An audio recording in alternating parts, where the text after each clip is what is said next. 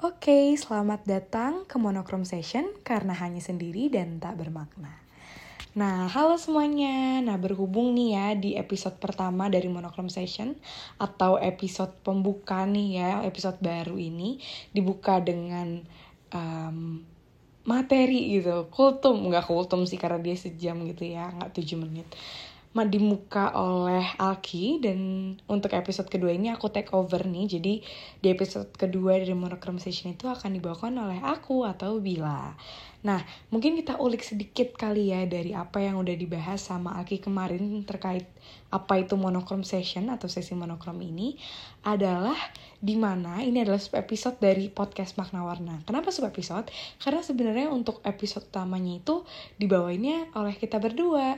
Nah, karena ini adalah sub session, jadi dibawainnya itu oleh masing-masing dari kita gitu. Jadi kayak ya sendiri aja gitu ngob bukan ngobrol ya jatuhnya cuman kayak lebih ke arah bacotin diri gitu ya kayak ngomong sendiri gitu kayak serasa ngomong sama candi. Tapi ya intinya kita akan bahas dengan mungkin topik yang berbeda-beda gitu ya. Kalau misalkan Aki di episode yang pertama itu membawa topik yang agak sedikit um, apa ya serius gitu kali ya mendalam yaitu mengarah ke politik ke hidup ke hubungan mungkin ya ada gitu dan ya agak berat-berat sedikit gitu lah ya dan mungkin kali ini kita akan lebih santai, lebih seru gitu ya. Enggak deng, itu juga seru.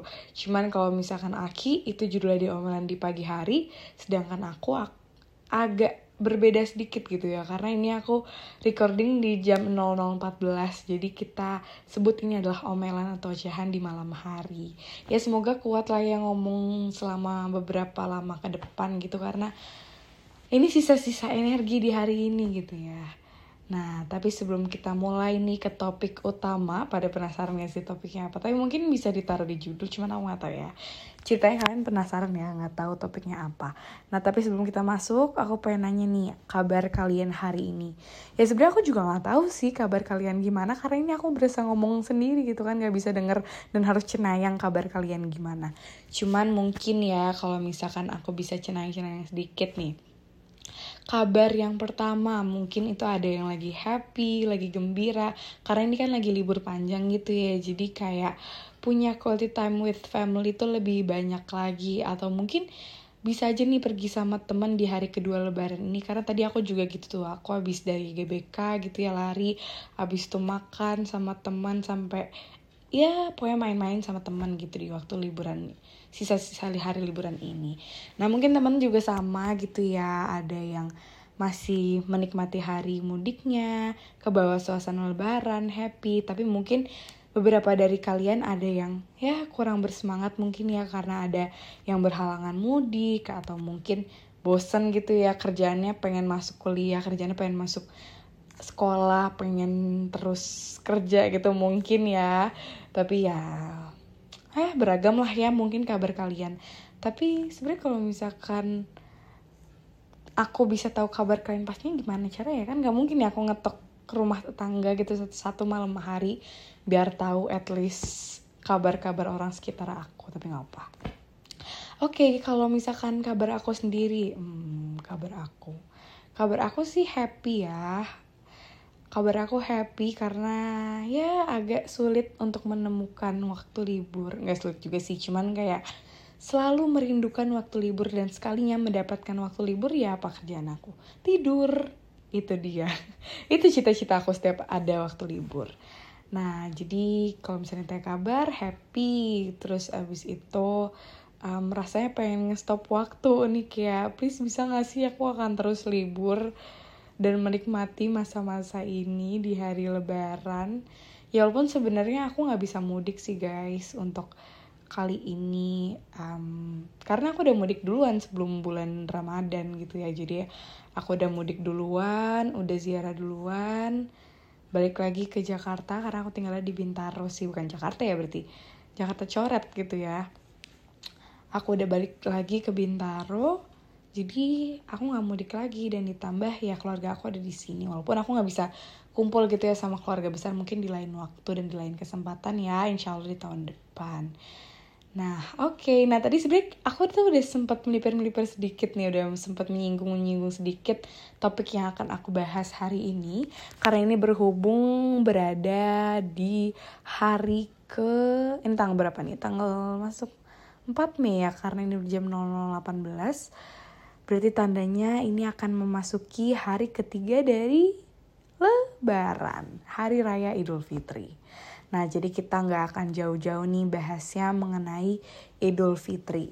Nah, sebenarnya apa sih yang kalau misalkan kita inget-inget dari Idul Fitri? Berarti kita akan bahas mengenai yang identik gitu ya, yang menjadi ciri khas setiap dari Idul Fitri, khususnya di Indonesia ya, karena mungkin di negara-negara lain berbeda-beda gitu ya, karena Indonesia tuh cukup ya ada aja gitu kelakuan dari masyarakatnya. Nah, kalau misalnya kita berbicara mengenai identik dari um, Lebaran, Hari Raya Idul Fitri, apa ya yang sekiranya bisa kita bahas? Um, mungkin pertama kita akan bahas mengenai mudik dulu kali ya. Nah, kalau misalkan mudik tuh banyak banget king yang perlu dipersiapkan. Mungkin kita bahas satu persatu dari anggota keluarga gitu ya. Kalau misalnya dari aku sendiri nih ya, kalau dari aku sendiri, um, pertama mama kali ya. Nyokap aku tuh cenderung orang yang well prepared banget cuy kayak maksudnya apalagi mudik gitu ya kayak please jangan ada yang ketinggalan gitu pertama yang paling ditekanin itu adalah konsumsi. Wow dia beliau adalah si konsumsi yang paling top. Kayak semuanya nggak ada yang ketinggalan gitu. Anggota keluarga berapa? Ya bisa dilebihin 10 kali lipat mungkin ya. Kayak mulai dari minumannya makanannya. Karena kan kalau misalkan mudik gitu ya kalau dulu ya. Karena kan aku udah berapa lama nggak mudik. Tapi aku tuh selalu jalan darat gitu karena keluarga aku cenderung suka jalan darat mungkin karena pemandangannya bagus dan sebagainya. Nah mama aku tuh selalu well prepared gitu karena kan kalau misalnya mudik di aku tuh biasanya sebelum lebaran kan pastinya gitu. Jadi kayak masih puasa gitu. Jadi kan perlu tuh ya disiapkan sahurnya terus buat buka puasanya nyemilnya dan sebagainya gitu takjil dan sebagainya. Karena aku tuh kayak dari ujung Jawa ke ujung Jawa satunya gitu. Nggak juga sih. Cuman kayak aku dari Bintaro Jakarta ke Surabaya. Kan lumayan ya jauh banget kayak ke Jawa Timur gitu. Jadi ya kalau dulu belum maksudnya belum ada tol yang selancar sekarang jadi dulu perlu banyak banget nih um, asupan-asupan yang perlu dibawa dan disiapin. Jadi dulu mulai dari sahurnya gitu ya, bekal-bekal gitu ditaruh di plastik-plastik tupperware, bukan tupperware juga sih, tapi yang plastik biasa gitu yang sekali buang. Terus abis itu belum kalau misalnya harus buka, belum kalau misalnya macet nggak bisa berhenti gitu ya nggak bisa berhenti yang proper di rest area gitu ataupun uh, mungkin dulu cuman sekedar ya cangcimen gitu lewat kan ya jadi seorang mama aku tuh mempersiapkan asupan yang ya sangat lengkap gitu ya jatohnya nah terus selanjutnya dari mama udah sekarang kakak aku kali ya karena kakak aku yang pertama itu kan nyetir ya. Nyetir tanpa digantiin sih sebenarnya dan dia cenderung biasanya orang yang pengen membuat nyaman anggota keluarganya gitu dari Bintaro ke Surabaya dalam mobil itu. Jadi kayak ya Hamin satu tuh paling udah enggak bukan dari Hamin satu sih tapi dari mungkin berapa hari sebelumnya itu udah nyiapin mobil gitu ya dibawa ke bengkel dulu. Terus kalau misalkan udah nata-nata mobil bersihin mobil terus abis itu kita harus nyiapin barang-barang tuh ya harus siap sedia amin satu gitu at least kayak disiapin biar bisa ditata um, nggak pas hari H. Jadi kita semakin nyaman juga apalagi kalau misalnya sekarang tuh udah ada bayi jadi perlu lebih nyaman lagi kayak dibuat semi kasur gitu. Nah terus selanjutnya apalagi ya yang identik dengan mudik? Karena kalau misalnya kita bahas anggota keluarga aku yang lain apa ya? Aku menikmati. Ya paling biasanya aku menyiapkan ya ada film apa ya yang bisa di download biar nanti bisa ditonton di jalan. Kakakku ya tidur. Terus apa lagi ya? Ayahku menikmati tidur kakek aku kakek aku ya suka melihat pemandangan mungkin ya tapi perlu di rest area juga gitu setiap berapa jam karena harus meluruskan kakinya. Ya gitulah ya kalau misalnya anggota keluarga aku dan anggota keluarga kalian gimana? Ayo diinget-inget ya bagi yang mungkin udah lama gak mudik dan pengen inget-inget kembali gitu ya suasana-suasana mudik, mudik di anggota keluarga kalian. Nah terus apalagi ya yang identik dengan mudik? Hmm kalau aku sih ya kalau misalkan aku tipikal orang tuh kalau di mobil itu ja, bukan jarang sih tapi lebih suka nggak nyender gitu. Dan menghadap ke jendela sampai ya mamaku juga bingung gitu sih. Jadi apalagi kalau misalkan mudik gini ya aku makin betah lah lihat di jendela pemandangan sebagus itu. Melihat sawah-sawah karena kan di Bintaro boro-boro ada sawah yang ada apa? Kiri kanan Indomaret. Eh boleh gak sih nyebut? Ya pokoknya kalau misalkan arah ke Surabaya dulu ya kalau misalkan gak lewat tol atau mungkin kalau lewat tol sekarang juga sering banyak yang kiri kanan sawah terus kebun jagung. Nyebutnya apa sih? Kebun ya pohon pohon jagung.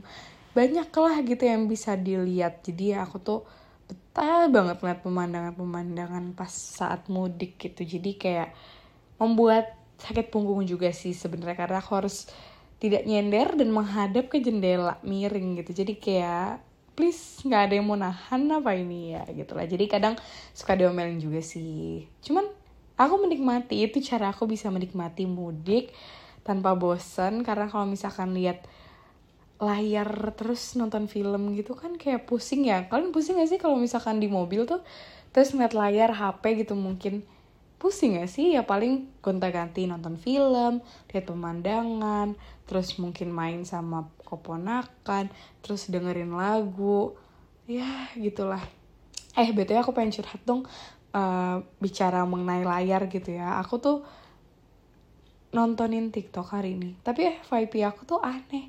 Kayak ya pokoknya aneh lah. Kayak mungkin kan biasanya yang viral-viral gitu keluar gitu. Tapi sekarang aku nggak gitu lagi kayak beran nggak dikenal. Terus kayak ya gitulah. Jadi aku agak bingung dengan FYP yang keluar ini. Oke okay, itu cuma sekilas doang ya. Tadi pemandangan udah kita bahas. Selanjutnya kita akan membahas apa lagi ya? Hmm. Oh ini kalian tuh pernah denger gak sih restoran namanya Pringsewu sumpah aku gak tau boleh nyebut atau enggak cuman kayak Pringsewu tuh bener-bener yang selalu aku ingat tiap kali mudik. Karena dia tuh setiap beberapa kilometer itu tuh kayak pasti ada deh. Kayak penyelamat banget. Jadi kayak aku tuh orangnya tipikal yang selalu lapar gitu tahu kayak sebenarnya aku nggak apa-apa sih buat nggak makan berat tapi at least aku ada yang ngeganjel gitu loh kayak nyemil. Ya butuhlah asupan-asupan tiap berapa kilometer gitu. Dan Pringsewu tuh biasanya selalu tertangkap oleh mata aku. Kayak please boleh melipir sedikit untuk kita makan sejenak.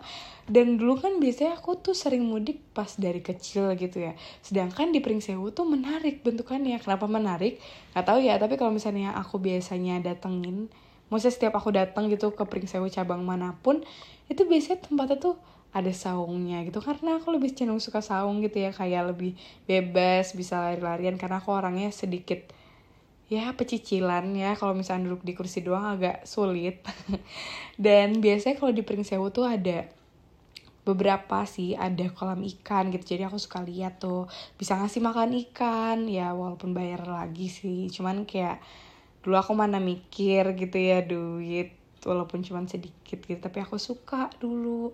Terus sama yang paling identik banget dari Pringsewu yang aku inget ya nggak tahu di cabang lain ada atau enggak tapi aku tuh selalu menemukan booth gitu kayak ya meja kecil di Pringsewu yang jualan alat sulap. Aku juga nggak tahu ya apakah itu ada di semua cabang atau enggak tapi aku selalu excited akan hal itu. Jadi kayak mereka tuh jual alat sulap mulai dari kartu kartu sulap tongkat sulap terus apa lagi ya yang aku ingat? Aku juga lupa sih topi ada nggak ya? Cuman pokoknya alat-alat sulap itulah yang aku suka gitu. Kayak itu selalu aku mainin pas balik dari Pringsewu perjalanan menuju ke Surabaya ataupun sebaliknya.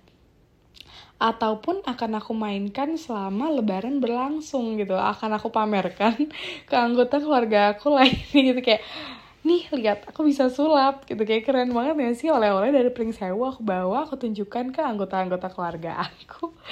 Duh agak freak dikit sih cuman kalian harus coba itu kalau misalkan mudik gitu ya ke Pring Sewu terus kayak cari uh, mbak mas katanya Bila ada siapa ya Bila? Tapi katanya orang tuh ada ya jual alat sulap. Jadi coba dicek dulu ya karena aku nggak tahu nih sekarang Prince Sewa apakah berubah menjadi restoran yang sedikit elit. Jadi kayak tidak mengenal lagi apa itu alat sulap dan lebih mengenal menjual slime dan kawan-kawannya gitu ya tapi nggak tahu jadi kalian coba cek nih mumpung lagi mudik kan abis ini bisa nih ya arah balik pulang itu dari kampung halaman siapa tahu ngelewatin Prince Sewu Oke, berbicara lagi mengenai mudik. Hmm, dulu tuh ya tahun berapa sih? Aku juga nggak hafal sih tahun 2016, 2011, 2016. 2016 nggak sih? Nggak tahu aku takut so tau sih sebenarnya cuman ada yang Brexit itu kan. Sebenarnya kalau nggak salah tuh aku juga mengalami juga karena aku dulu tuh selalu mudik tiap tahun. Dan sekitar tahun segitu tuh aku juga selalu mudik gitu. Jadi waktu itu pernah uh, ada di kejadian itu tapi alhamdulillah selamat gitu. Walaupun ya selalu kena macet gitu. Aku inget banget kayak kalau macet terus kayak ya buka puasanya harus di jalan gitu karena nggak bisa masuk ke rest area karena penuh. Ya mau nggak mau di jalan aja gitu buka puasanya. Tapi aku harap semoga ke depannya mudik kita kali ini udah nggak ada kejadian semacam Brexit lagi ya. Jadi semoga kita sampai ke tujuan kampung halaman masing-masing dengan ya tanpa berlama-lama di jalan dan bisa ketemu dengan anggota keluarga secepat mungkin. Dan yang paling penting sebenarnya selamat sih ya di jalan dan semoga kalian nanti balik dari kampung halaman itu juga aman dan gak kena arus balik mudik gitu ya. Jadi pinter-pinter nih nentuin hari dan jam untuk arus balik gitu. Ataupun mungkin kalian yang um, lewat jalur lainnya gitu pesawat hati-hati di jalan terus juga kalau misalkan yang lewat di lewat di nggak tuh? Masa pakai bis atau apa? Eh btw denger denger tuh ada bis ini gak sih? Sleeper bus itu.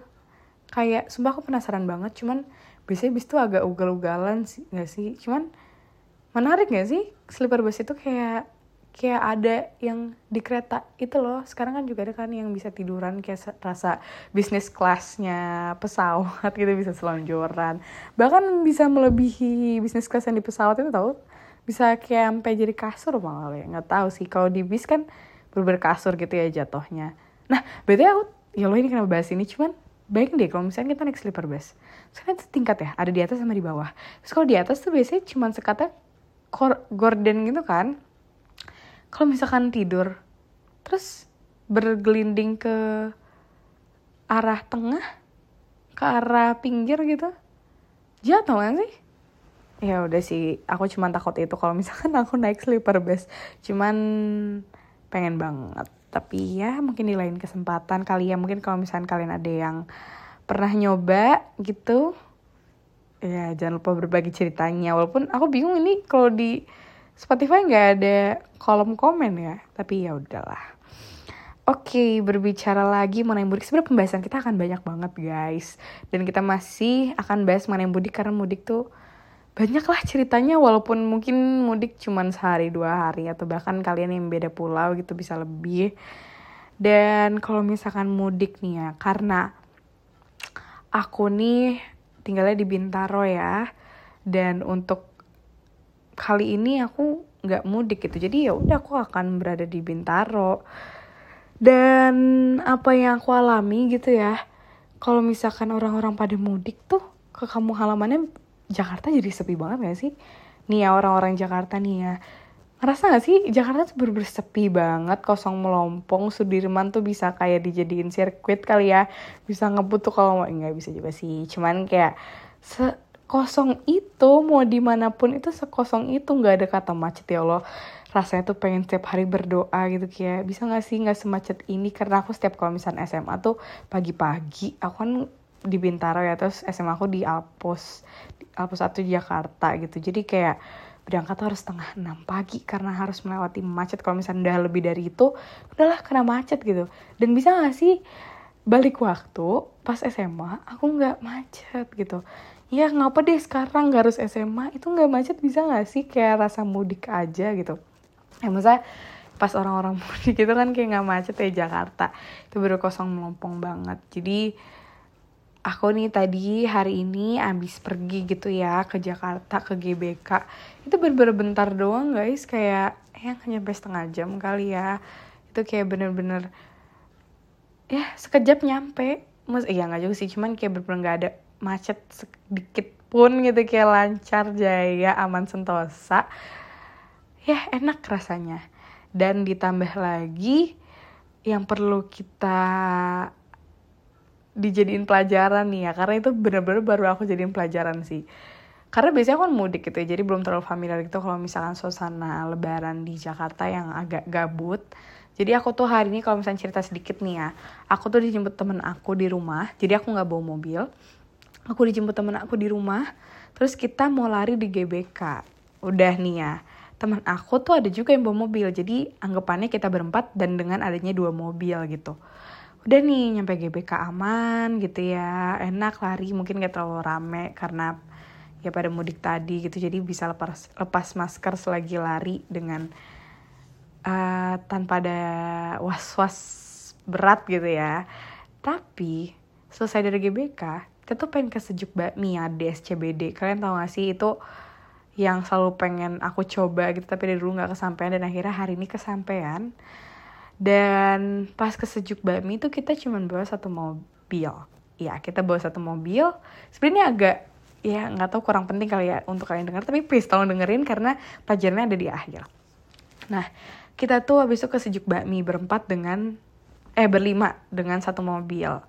Nah pas sampai sejuk bakmi, itu tuh pelajaran pertama adalah kita juga perlu tahu bahwa di setiap toko, setiap restoran, di setiap jasa atau apa pun itu, mereka tuh beberapa pegawainya um, lebaran gitu. Maksudnya kayak mereka kekurangan pegawai. Jadi pegawai yang ada, yang sisa pegawai yang bekerja di saat hari-hari lebaran ini, mereka overwork. Jadi apa?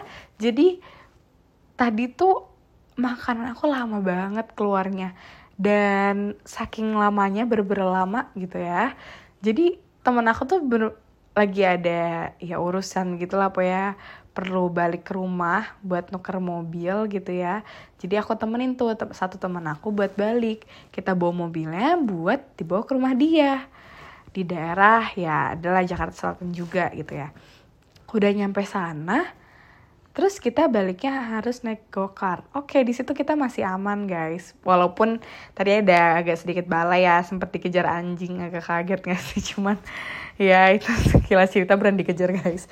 Cuman kayak oke, baik kita naik, naik go-kart ke sejuk bakmi. Terus abis itu uh, itu masih aman. Cuman baliknya, berarti kan kita nggak bawa mobil ya buat balik ke GBK lagi. Itu kita susah banget guys nemuin go-kart sekalian nemu gokar tuh kita harus nunggu lagi karena dia harus naruh penumpang dan sebagainya. Jadi yang perlu diangkat pelajarannya adalah pertama banyak pegawai, maksudnya pegawai-pegawai itu yang overwork gitu ya, jadi kayak kurang maksimal gitu, misalkan dalam hal makanan gitu ya, kayak jadi makin lama. Terus kalau tadi kita juga mau refleksiologi gitu, jadi kayak sangat full di mana-mana gara-gara pegawainya cuma sedikit, pekerja cuma sedikit gitu. Terus ya jadi ya bingung gitu mau ngapain sebenarnya di Jakarta. Terus juga tadi aku mesen go uh, go apa namanya? Go ride gitu ya juga agak susah. Ya susah lah guys. Dan harganya pun juga semakin mahal gitu. Jadi lebih baik untuk yang paling bener udahlah bawa mobil aja sendiri selagi bisa. Karena jalanan am jalanan sepi terus ya bisa mondar mandir dengan enak lah tanpa harus bergantung dengan um, gokar grab uber dan sebagainya. Oke, itu pelajaran di mudik hari ini. Nah, terus selanjutnya nih ya, apalagi ya. Tadi mudik mungkin kita sudah kan kali ya, terlalu banyak nih kita ngobrol tentang mudik. Nah, selanjutnya aku pengen bahas yang identik dengan lebarannya gitu. Kalau misalkan lebaran ya, anggap kita udah di hari lebaran, hari H gitu. Hari H pertama lebaran Oke, okay, pagi-pagi kita mulai start dari pagi-pagi. Biasanya itu udah ada ribut, berkicau tuh, berkicau anggota keluarga. Dengan berbeda-beda. Jadi kita mulai lagi nih ya. Dari biasanya tuh mama yang paling bangun pertama membangunkan anak-anaknya dan biasanya ribut gitu kayak eh bangun bangun bangun bangun cepetan ini udah jam segini udah jam segini gitu ya kayak ribut gitu ribut banget tuh kayak ada yang belum bangun ada yang susah bangun ada yang nggak tidur semalaman karena kan biasanya semalaman tuh mendengar takbiran gitu atau apa ya jadi bangunnya kesiangan gitu ya. Dan di samping mama yang selalu ribut selalu tergesa-gesa gitu ya membangunkan seluruh anggota keluarga dan menyiapkan segalanya. Dan kalau nggak salah tuh disunahkan untuk makan dulu ya jadi ya dipersiapkanlah cemilan-cemilan kecil. Terus ditambah lagi ada aja gitu ya anak-anak yang berebutan kamar mandi karena pagi-pagi banget. Kayak dan semua orang harus segera mandi gitu kan harus suci ya kita sebelum sholat id. Ya itu juga. Terus apalagi ya biasanya bokap tuh yang nyantai. Terus ya udahlah mungkin itu agak sedikit berisik. Dan biasanya habis itu kita akan pergi sholat id. Nah kalau dulu ya aku di tempat kamu halaman aku di Surabaya di rumah kakek aku itu biasanya seru. Itu tinggal jalan kaki terus naik becak. Kalau misalnya di Jakarta gitu kan udah jarang ya. Cuman kalau misalkan di Surabaya itu dulu kita selalu naik becak. Jadi seru gitu suasananya pagi-pagi naik becak. Sedangkan kalau misalkan sekarang aku di Jakarta paling kalau misalkan mau jauh biasa aku sholat di Alpus kita gitu, itu biasanya naik um, mobil gitu nah kalau kalian naik apa nih?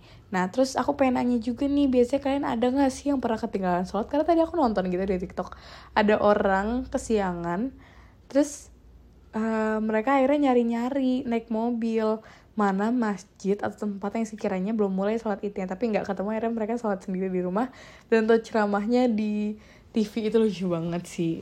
Tapi mungkin beberapa dari kalian pasti pernah ada ya sih yang kayak gitu nah terus biasanya sholat id nih identik itu dengan dulu ya. Kalau sekarang sih jujur aku nggak terlalu banyak nemu yang bawa koran banyak gitu lah karena sekarang kalau aku biasanya pakai sajadah plastik dulu kayak ada gitu deh bahannya plastik gitu. Ter um, baru dialasin saja deh yang berbulu berbulu nggak tapi yang berbahan gitu ya. Dan kalau dulu tuh banyak banget koran. Nggak tau deh kalau misalnya di tempat kalian masih banyak atau enggak tapi tuh beneran banyak banget dan jadi ya berserakan sampah gitu sih agak kurang nyaman dilihat. Tapi untungnya ada yang membantu um, untuk membereskan koran-koran itu. Terus abis itu pernah gak sih kalian uh, apa namanya takbirnya tuh salah gitu? Kayak lupa kalau misalnya takbir banyak dan kayaknya udah keburu ruko karena aku berapa ada yang suka nemu gitu sih apalagi anak kecil gitu ya yang kadang lagi belajar sholat tapi dia nggak tahu. Aduh, lucu banget sih. Dan biasanya anak-anak kecil tuh ya suka ada aja gitu misalnya lagi sholat nih ya lagi sholat. Eh tiba-tiba ada anak kecil lewat di depan sajadah aku gitu mondar mandir kayak lucu banget aku jadi tidak fokus. Tapi cuman kayak nggak apa-apa aku juga jadi mereka akan bosen. Dan mungkin akan ada mendengar suara tangisan-tangisan bayi gitu yang menunggu ibunya sholat. Dua ada aja sih sholat id ya terus apa lagi kalau dulu tuh aku biasanya bagian yang mintain duit. Bukan mintain duit maksudnya kayak ya keliling gitu ngumpulin duit dengan kantong gitu ya biasanya disuruh sih. Tapi seru mandir mandir gitu. Terus biasanya habis sholat id kita kelar sholat kumpul foto kumpul-kumpul foto di tempat lapangannya gitu ya kalau misalnya di lapangan atau di depan masjid gitu ya kumpul foto keluarga. Ya sekedar buat kenangan gitu ya sama mungkin ibu-ibu pas itu. Ketemu aja gitu temennya cipika cipi kalau aku ketemu ini sih teman-teman aku. Karena kan aku biasa suatu di uh, eh, SMA aku ya di Alpus. Karena kan di Alpus tuh ada masjid agung kan masjid agung Al Azhar jadi banyaklah orang di situ dan teman-teman alumni aku. Oke okay capek ya ternyata ngomong di malam hari tuh kayak ya lo ini udah setengah jam tapi nggak apa harus semangat oke selanjutnya nih kalau misalnya habis sholat id kita balik. Kita balik ke rumah. Apa yang akan kita lakukan? Aduh sakit. Yang akan kita lakukan itu adalah kalau aku ya biasanya nyiapin makan dulu sih. Ya bisa kita makan bentar istirahat istirahat dan kalau misalkan aku keluarga aku itu biasanya sungkeman sungkeman tuh bahasa apa sih? Apakah bahasa Jawa? Tapi intinya yang minta maaf minta maafan gitu ya. Jadi yang yang lebih tua duduk di kursi kita ya uh, berlutut gitu ya untuk minta maaf. Kadang sampai saking seringnya dilakuin tiap tahun gitu ya sampai bingung mau ngucapin apa lagi gitu ngomong apa. Dan biasanya aku tuh start dari kakek aku nih duduk. Terus nanti ayah aku sungkem sama kakek aku. Ntar ayah aku duduk di samping kakek aku. Terus ibu aku yang ya pokoknya berlanjut gitulah sampai anak yang paling kecil.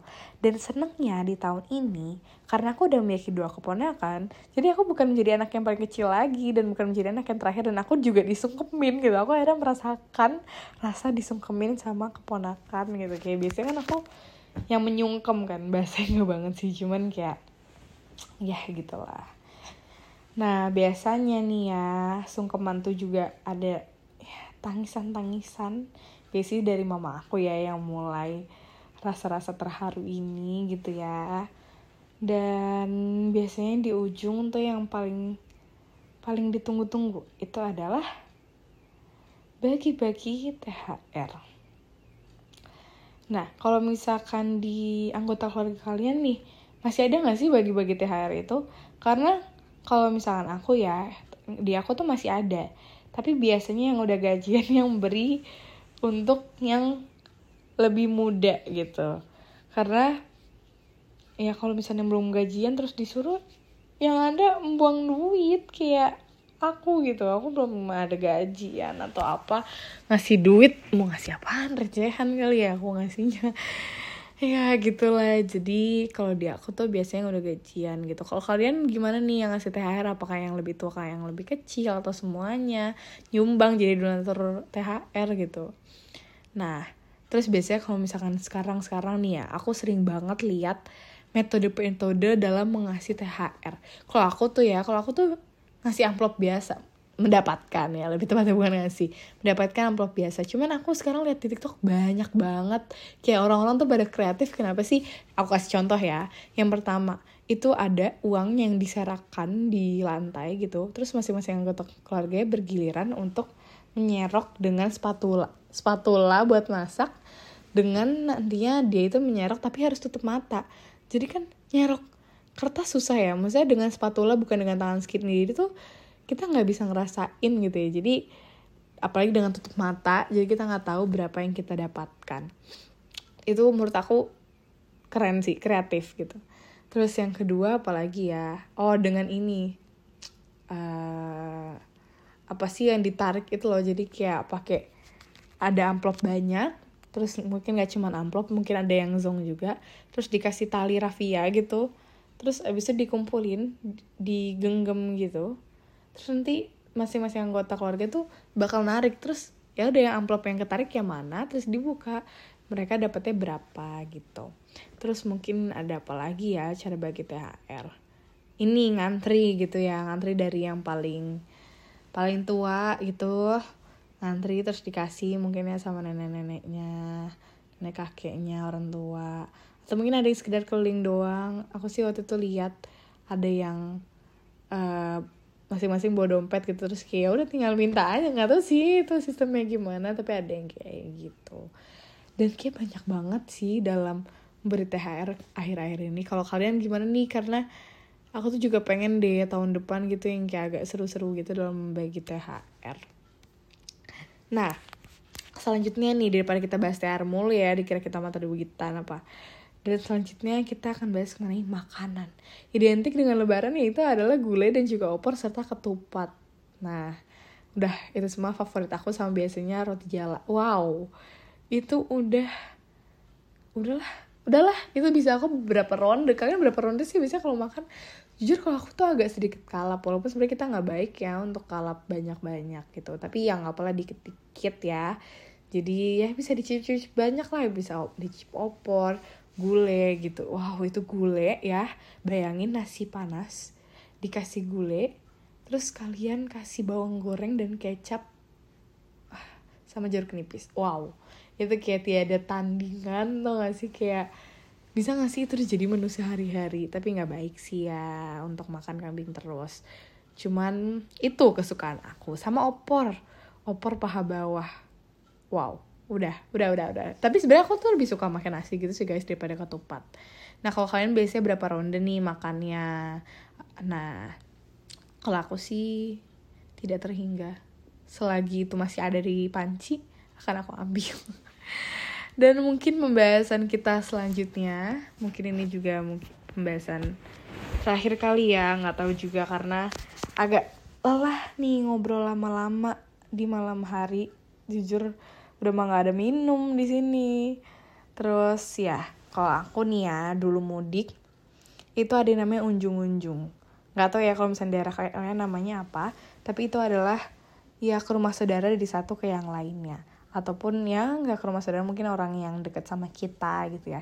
Kalau aku dulu kan aku tinggal di Surabaya bukan tinggal uh, rumah kayak aku di Surabaya. Jadi aku tuh melipir ke mana-mana ke Kerian iya terus ke uh, apa namanya ke Malang. Iya. Ke mana lagi ya? Ya ke Surabaya sih banyaknya. Itu iya. Jadi kayak ah ada rutenya lah. Udah mah ke keluarga banyak. Kita keluarga dari mama keluarga dari ayah. Terus senengnya ya dari tiap unjung-unjung ada aja gitu makanan yang bisa dicicipin. Kayak apalagi kalau mereka tuh baik banget gitu nyuguhin makanan berat makanan ringan tuh lengkap gitu. Dan biasanya apa sih yang semacam astor gitu lah itu wah the best juga sih. Terus kayak dikasih cemilan permen-permen gitu walaupun gak dikasih THR juga aku udah seneng gitu. Banyaklah beragam di tiap rumahnya. Nah kalau misalnya kalian unjung-unjung biasanya dapat apa nih? Balik-balik. Atau misalkan uh, dapat THR tapi disuruh titipin ke orang tuh kalau misalkan masih kecil. Ya tapi aku dulu seneng banget sih unjung-unjung walaupun aku kan paling kecil ya dulu jadi aku menjadi kasta terendah kalau misalnya di mobil dengan unjung-unjungnya itu jarak jauh itu agak agak pegel ya duduk di paling belakang dan sekarang tapi aku nggak kasta terendah karena aku memiliki dua keponakan kecil. Gitu deh untuk pembahasan kita mengenai lebaran dan juga apa tadi kita bahas mudik gitu ya hari raya Idul Fitri. Dan kita masih punya hari raya lagi nih yaitu adalah hari raya Idul Adha di Juli kan ya sekitar Juli tanggal 9 atau tanggal berapa gitu yang bertepatan banget dengan Louis ya Louis Tomlinson yang datang ke sini. Kata temen aku sih di hari H, Idul Adha ya kalau aku sih kayak fix nggak boleh ya buat nonton. Nggak tahu sih kalau aku mana boleh sama keluarga aku buat nonton. Tapi buat kalian yang um, nonton Louis nanti tip salam ya. Ya dan semoga dari Idul Fitri kita hari ini dan hari-hari ke depannya dan kemarin gitu ya itu bisa dibawa menjadi suatu hari yang berkesan. Karena ini mungkin udah lama bagi kalian yang tidak merasakan mudik, tidak merasakan kumpul keluarga, tidak merasakan lebaran yang begitu hangatnya untuk di tahun ini dan semoga di tahun ke depannya akan lebih hangat lagi dan lebih berkesan lagi dan lebih bermakna gitu ya. Dan semoga untuk tahun-tahun selanjutnya kita bisa istilahnya apa ya bisa membawa banyak cerita untuk keluarga kita dengan cerita-cerita yang bahagia, cerita yang membawa bangga bagi keluarga-keluarga kita gitu ya. Karena kan biasanya kalau misalnya udah kumpul keluarga banyak ya pertanyaan. Oh iya ada satu sebenarnya yang belum kita bahas yaitu adalah pertanyaan apa sih yang sekiranya sering diajuin itu sama anggota keluarga? Karena ada yang ditanya kapan nikah ada yang ditanya kuliah di mana sekarang ada yang ditanya sibuk apa akhir-akhir ini atau ada yang ditanya um, apa ya? Ya banyak lah ya bahasa basi kalau kalian suka ditanya apa nih. Karena biasanya yang aku sering dengar tuh ya ditanya kapan nikah. Cuman kalau aku kayak belum mencapai tahap itu ya karena aku masih ngantri nih say. Karena kalau misalnya mau ditanya itu berarti ke kakak aku dulu. Nah kalau kalian biasanya ditanyanya apa nih? Oke okay, nah dari pertanyaan-pertanyaan itu juga kalian jangan jadi insecure atau jadi overthinking atau jadi kesel ya sama anggota keluarga kalian. Karena itu ya kalau misalkan gak ada basa-basi ya diem-dieman dong. Jadi jangan di, terlalu dibawa ke hati. Kalau misalnya emang itu agak sedikit menyinggung ya perasaan kalian mohon dimengerti. Dan semoga di tahun selanjutnya juga kita menjadi orang dan pribadi yang lebih baik lagi terus berkembang terus membawa langkah hidup ini ke arah yang lebih baik lagi, perbaiki dari Ramadan sebelumnya di Ramadan selanjutnya, ditingkatkan lagi amalan-amalan di bulan Ramadannya dan semoga kita bisa diberi kesehatan selanjutnya di hari-hari selanjutnya hingga Ramadan nantinya. Gitu deh dan semoga di tahun selanjutnya yang mungkin tahun ini belum ketemu sama orang-orang tersayang, tahun selanjutnya udah bisa nih ketemu sama orang-orang tersayang yang pengen banget kalian temuin gitu. Kalau itu sampai ada ketungan tuh depan rumah aku saking udah malamnya. Tapi ya terima kasih sudah mendengar ocehan aku hari ini. Semoga di lain kesempatan, di lain podcast kalian tetap mau mendengarkan ocehan-ocehan aku ataupun Aki ataupun berdua gitu ya. Dan oh iya, sebelum itu aku pengen mengucapkan uh, takabal minna minkum. Mohon maaf lahir dan batin minal wal faizin. Dan selamat Hari Raya Idul Fitri 1443 Hijriah. Selamat bertemu di Ramadan selanjutnya dan di podcast selanjutnya. Bye-bye. Assalamualaikum warahmatullahi wabarakatuh. Jangan lupa bahagia teman-teman semuanya.